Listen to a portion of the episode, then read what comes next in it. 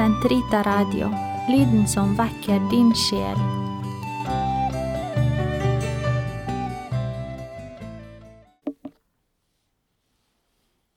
Den katolske kirkes katekisme, uke 11, lørdag, paragraf 1877 til 1885. Annet kapittel Det menneskelige samfunn. Menneskeheten er kalt til å synliggjøre Guds bilde og bli omformet til Guds enbårne sønns bilde. Dette kallet er personlig utformet, fordi hver enkelt er kalt til å gå inn til saligheten hos Gud.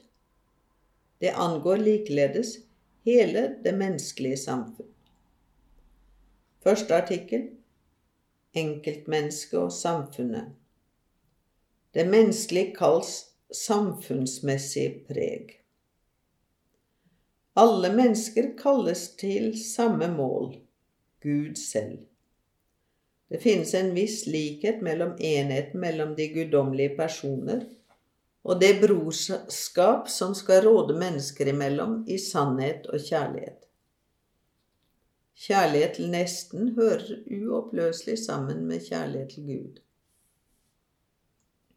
Mennesket har behov for å leve i samfunn. Samfunnsliv er ikke noe som er lagt til mennesket utenfra.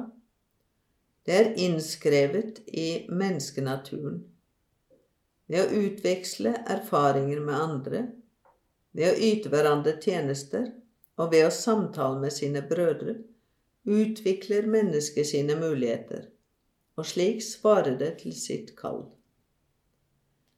Et samfunn er en samling mennesker som er knyttet organisk sammen ved et enhetsprinsipp som står utenfor den enkelte. Fordi samfunnet er både et synlig og et åndelig fellesskap, varer det i tid. Det tar fortiden opp i seg og forbereder fremtiden. Gjennom samfunnet er hvert menneske en arvtaker. Det får seg tildelt talenter som beriker dets identitet, og som det skal få til å bære frukt. Det er med rette enhver skylder å yte sitt bidrag til det samfunn han er en del av, samtidig som han skylder aktelse for de myndigheter som har ansvaret for det felles beste. Ethvert samfunn bestemmes ut fra sitt mål og adlyder derfor bestemte regler.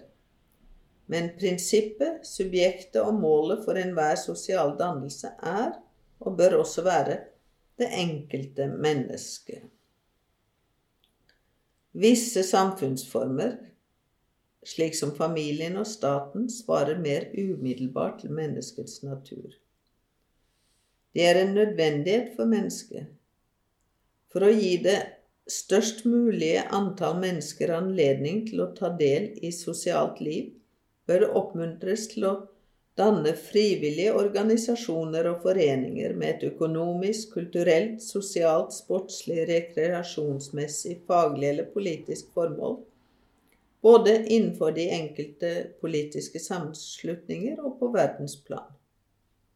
Slik sosialisering er samtidig uttrykk for en naturlig tendens hos mennesker til å slå seg sammen i et objektivt øyemed for å oppnå noe som overgår den enkeltes muligheter. Den utvikler personlige egenskaper, særlig den enkeltes medansvar og initiativrikdom. Den er en hjelp til å sikre den enkeltes rettigheter. Sosialisering medfører også farer.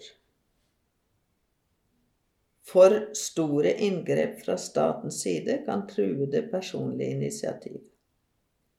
Kirkens lærer utviklet det som kalles subsidiaritetsprinsippet. Ifølge dette skal ikke en høyere samfunnsinstans gripe inn i en lavere samfunnsinstans indre liv ved å frata den kompetanse, men den skal om nødvendig snarere støtte den og hjelpe den til å samordne sitt virke med andre samfunnsorganer med det felles beste for øyet. Gud har ikke villet forbeholde all makt for seg alene.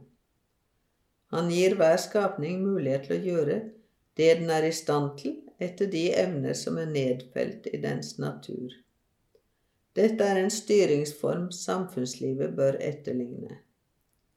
Guds måte å styre verden på, som vitner om stor aktelse for menneskets frihet, burde være en kilde til klokskap for dem som styrer det menneskelige samfunn.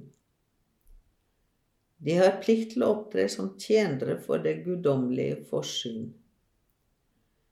Subsidiaritetsprinsippet står i motsetning til all form for kollektivisme.